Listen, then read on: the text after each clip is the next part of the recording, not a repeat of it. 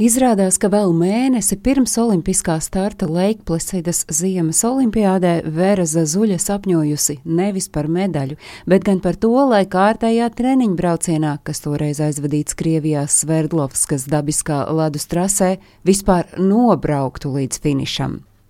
Gluži vienkārši titulētākā un pieredzējusi Padomju Savienības kamaniņu braucēja uz to brīdi trasē esot jutusies gluži kā pirmsziemniece.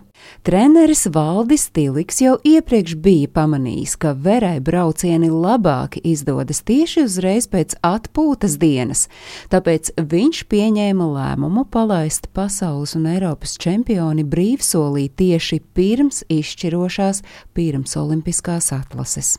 Un šis strateģiskais solis atmaksājās. Olimpiskajām spēlēm kvalificējās kā Vera Zazuļa, tā vēl divas Latvijas kamaniņu braucējas - Astra Rībena un Ingrīda Amantova.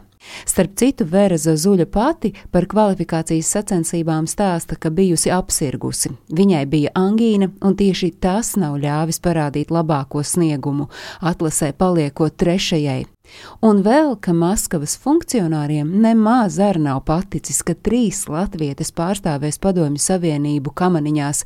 Tomēr, neraugoties uz visām peripētijām, tieši trīs latvietes 1980. gada ziemā tērpušās lepnos kažokos, kā jau PSRS sportistēm pieklājas, devās pāri okeānam uz 13.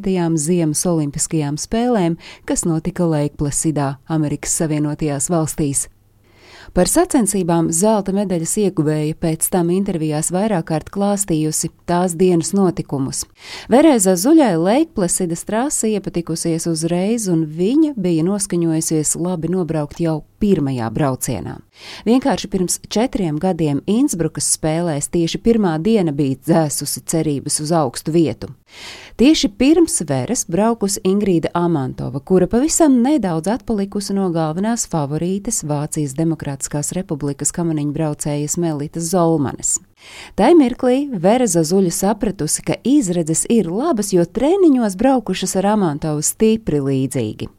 Šī doma mazināja olimpisko drudzi un vairoja paļāvību. Vera nobraukusi, tablo vēl neredzot, iekšējās sajūtas sacījusi, ka vajadzētu būt labi.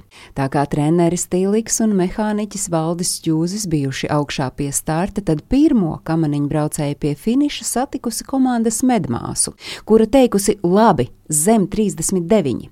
Vēra tajā brīdī nodomājusi, ka vācietē bija 39,39 ,39 sekundes, tātad viņa eh, turpat kaut kur vien ir. Un tikai pāris minūtes vēlāk Vēra uzzināja, ka ir sasniegusi jaunu trases rekordu 38,978. Pārliecinošais pirmais brauciens principā izšķīra cīņas iznākumu, jo vāciete tai mirklī zaudēja ticību sev, domājusi tikai par to, kā saglabāt otro vietu, jo uz papēžiem viņai mina vēl viena latviete - Amantova.